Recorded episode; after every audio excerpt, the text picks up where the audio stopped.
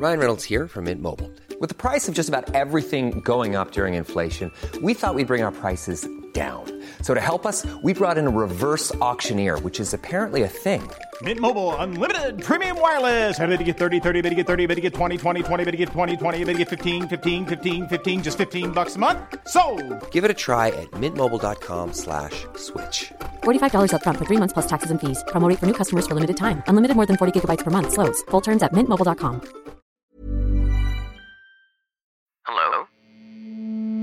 Hello? Podcast Network Asia. Haga logo, segemu gua ga. Sekarang podcast cuma sharing udah bergabung dengan podcast Network Asia. Akan ada banyak hal-hal menarik yang akan gue sharing di sini. Jadi jangan pernah bosan dengerin Sarah sharing terus.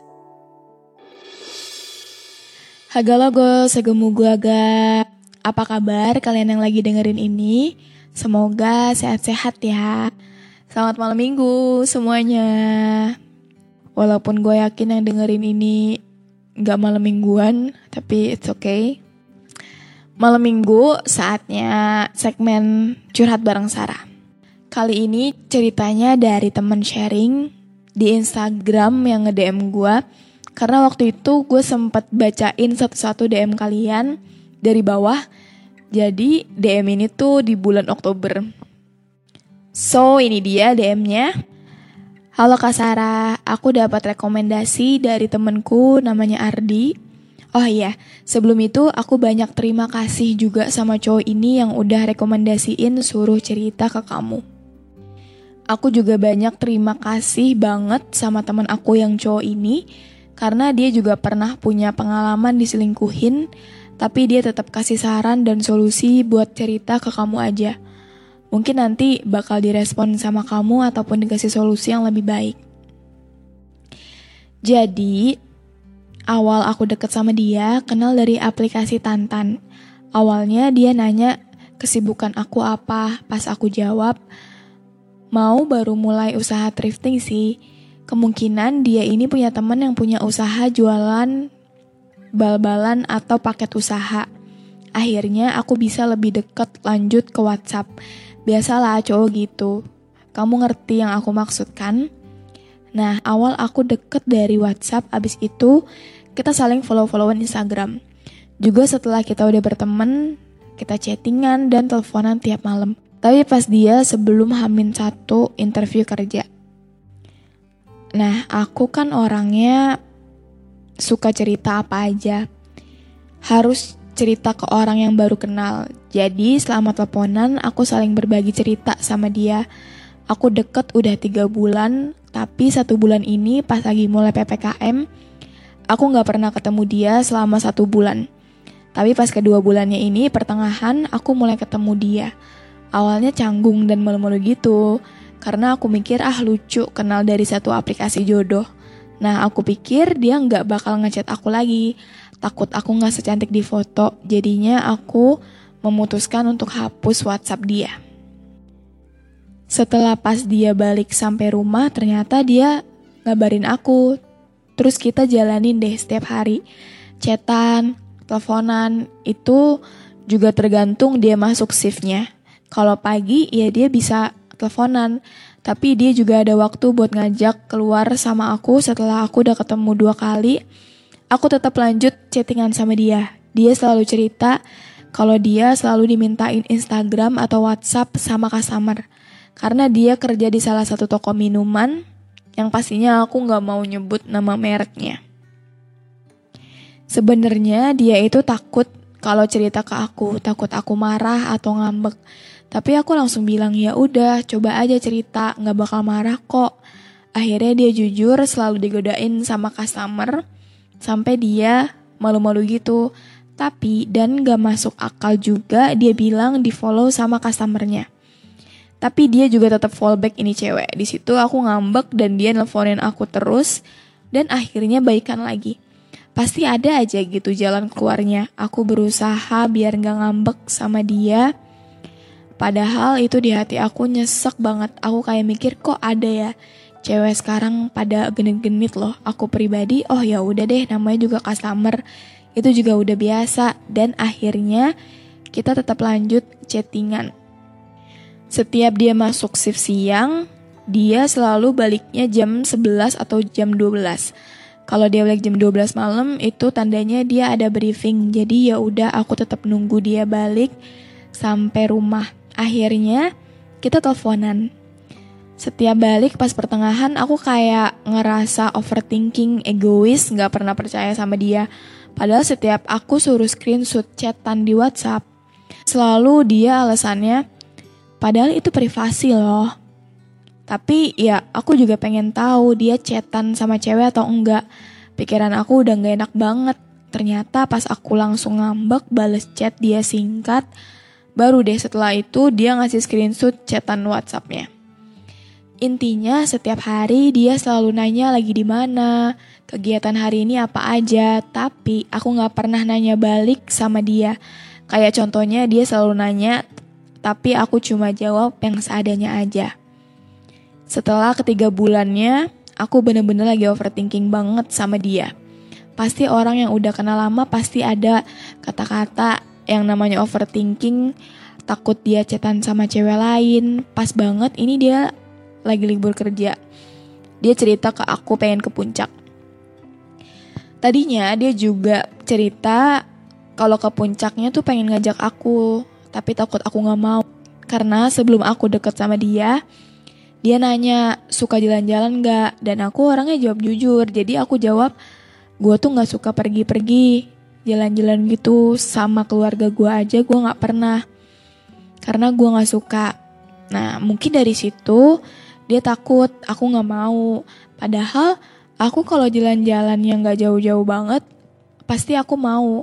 Tapi setelah dia telepon aku kan jam 12, aku benar-benar overthinking banget. Aku bilang, lu sama cewek ya? Kalau bohong, kecelakaan ya. Terus dia jawabnya itu kayak rumit banget. Terus sampai bener-bener aku ngatain dia cowok gatel, cowok genit.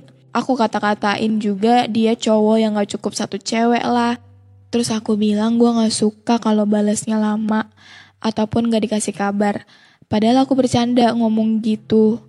Gini deh, kalau emang aku gak suka sama cowok yang balesnya lama, gak mungkin kan aku bakal nungguin dia balik kerja, nungguin dia ngabarin aku.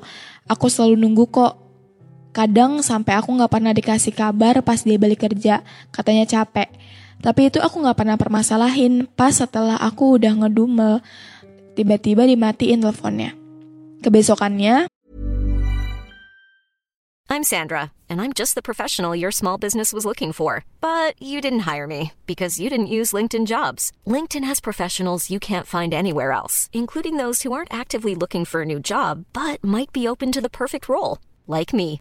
In a given month, over 70% of LinkedIn users don't visit other leading job sites. So if you're not looking on LinkedIn, you'll miss out on great candidates like Sandra.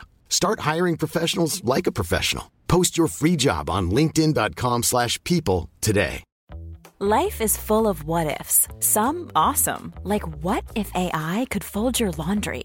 And some well, less awesome, like what if you have unexpected medical costs? United Healthcare can help get you covered with Health Protector Guard fixed indemnity insurance plans they supplement your primary plan to help you manage out of pocket costs. No deductibles, no enrollment periods, and especially no more what ifs. Visit uh1.com to find the Health Protector Guard plan for you. Dia ngabarin aku pengen ngomong hal sesuatu yang harus diomongin. Tapi nunggu dia balik kerja nanti ditelepon kemungkinan dia masuk shift siang jadi aku nungguin dia sampai aku mikir dia bakal ngomong apa ya. Pasti aku dijauhin deh sama dia. Karena aku overthinking, aku selalu lihat jam udah jam 11 malam atau belum. Ya setelah udah jamnya dia balik, aku selalu stay WhatsApp. Nah akhirnya dia nelfon aku. Dia bilang, kayaknya kita gak cocok deh.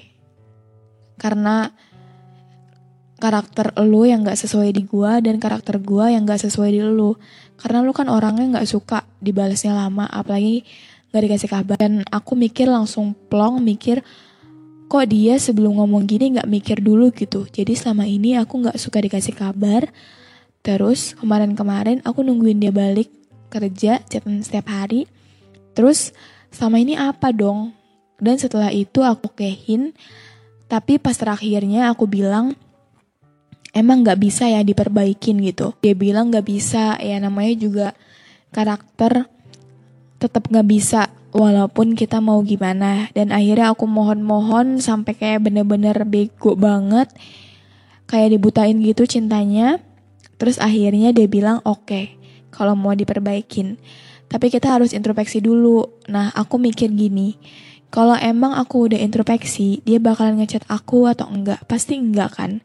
Emang akal-akalan buat kayak ngejauhin aku gitu. Setelah aku mikir lagi sambil nanya, kalau misalkan kita perbaikin, emang lu mau hapus aplikasi Tantan? Berani enggak? Dia bilang berani, yang aku mikir, kenapa kita udah masing-masing, kenapa dia baru buktiin gitu. Kemarin-kemarin cuma ngomong mau hapus aplikasi itu cuma janji doang, tapi nggak nempatin gitu. Padahal cewek kalau udah dihapus aplikasinya di depan tuh cewek pasti udah aman. Tapi tergantung cowoknya gimana sih kak. Bener kan? Tapi setelah aku nggak deket sama dia, kita dua hari nggak cetan dia makin nambah followers dan dia nyuruh aku introspeksi sedangkan dia juga nggak introspeksi gitu aku bucin selama tiga hari sedih banget deh. Aku berusaha deket sama cowok tapi tetap masih gamon sama dia. Semoga dibaca ya sama kamu. Makasih udah tenang cerita juga ke kamu. Aku bingung mau cerita ke mana lagi kak. Oh iya aku titip salam juga buat cowok itu. Aku pengen balik ke dia. Tapi kayaknya level tertinggi yaitu mengikhlaskan deh. Gak mungkin bakal baik lagi. Oh my god, ini cerita panjang banget dan gue gemes banget pengen bahas satu-satu. Pertama, nama cowok yang dimention sama si sender ini. Oh ya, by the way, nama yang gue sebutin di awal, nama cowok yang gue sebutin di awal itu gue ganti ya. Jadi itu nama samaran. Nah, si Ardi yang dimention sama si sender ini ini cowok yang deket sama dia atau enggak gitu. Nah itu gue bingung ya. Dan terus kalau yang gue lihat dari keseluruhan ceritanya, gue rasa sih si cowok ini di awal tuh udah ngasih effort, udah ngasih feedback yang baik buat si sender. Tapi ya nggak tahu juga sih dia baik ke si sender doang atau ke semuanya yang di aplikasi Tantan. Who knows gitu kan. Karena resiko juga pakai aplikasi kayak gitu dan elunya baper. Dan ada juga yang pas di si sendernya bilang di waktu pertama kali mereka ketemu si sender ini kayak overthinking, kayak insecure.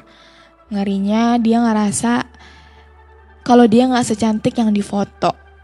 Jadinya dia takut dia mutusin untuk ngehapus WhatsApp si cowok. Menurut gua pun seluruh aspek ceritanya dia yang selalu overthinking, overthinking, overthinking.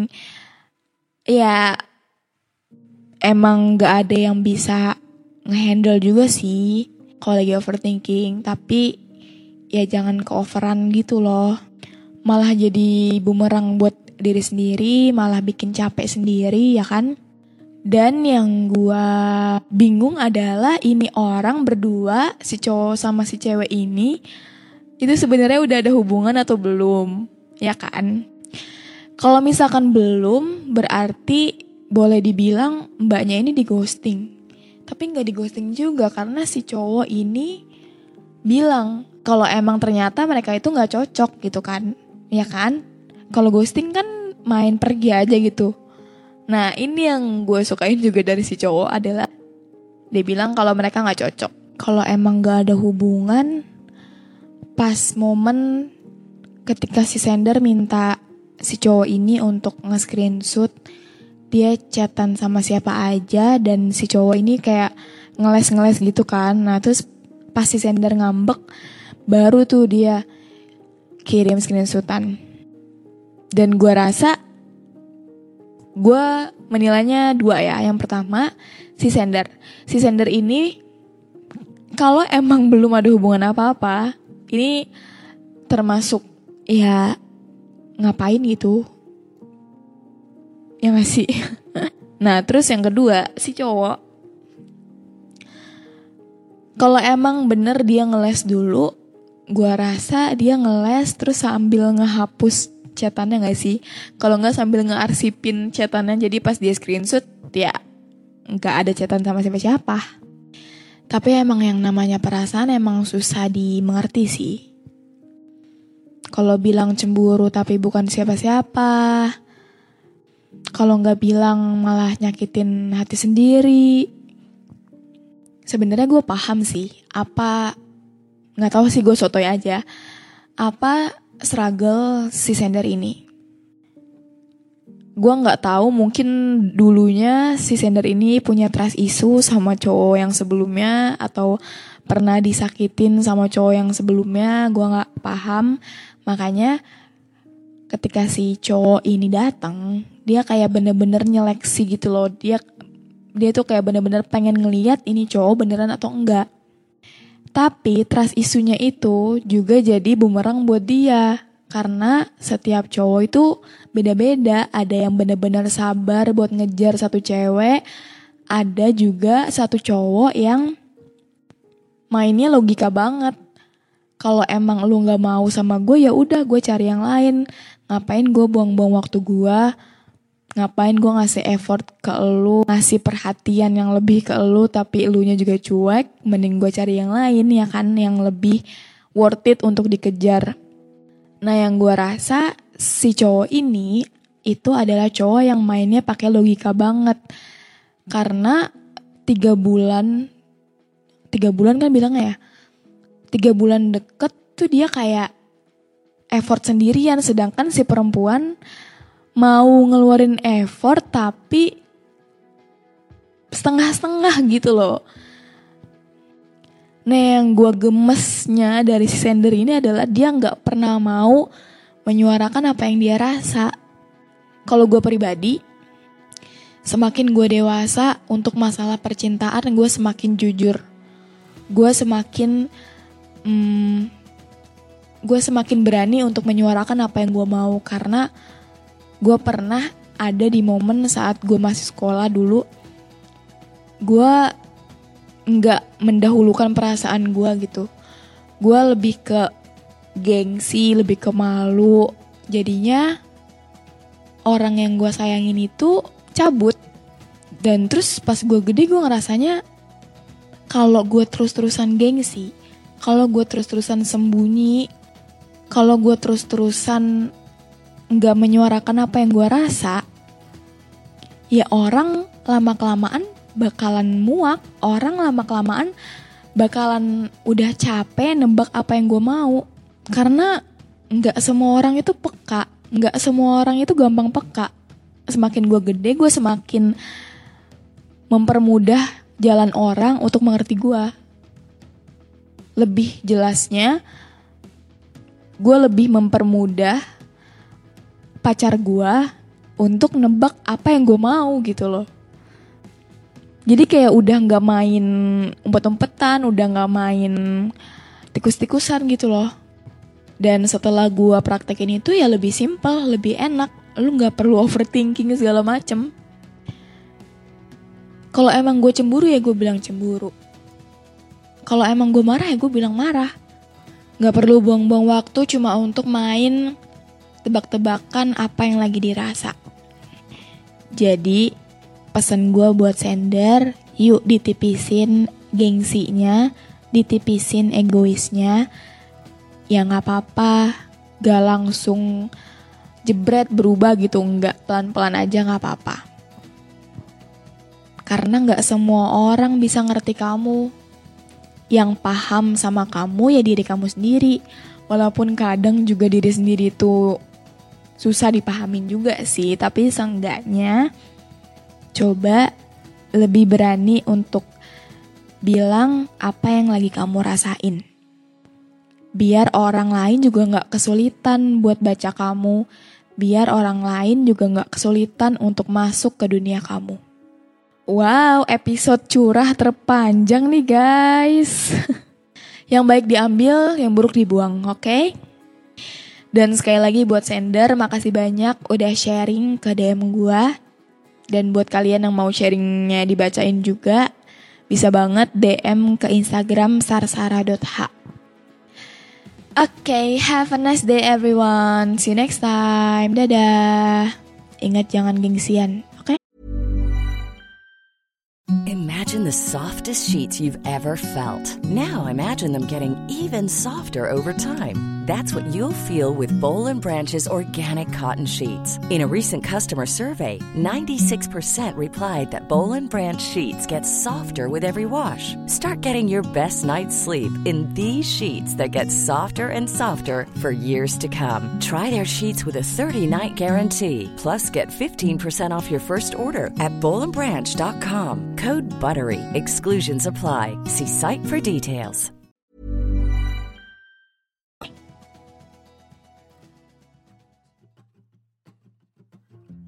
Pandangan dan opini yang disampaikan oleh kreator podcast, host, dan tamu tidak mencerminkan kebijakan resmi dan bagian dari podcast Network Asia. Setiap konten yang disampaikan mereka di dalam podcast adalah opini mereka sendiri dan tidak bermaksud untuk merugikan agama, grup etnik, perkumpulan, organisasi, perusahaan, perorangan, atau siapa pun dan apa pun.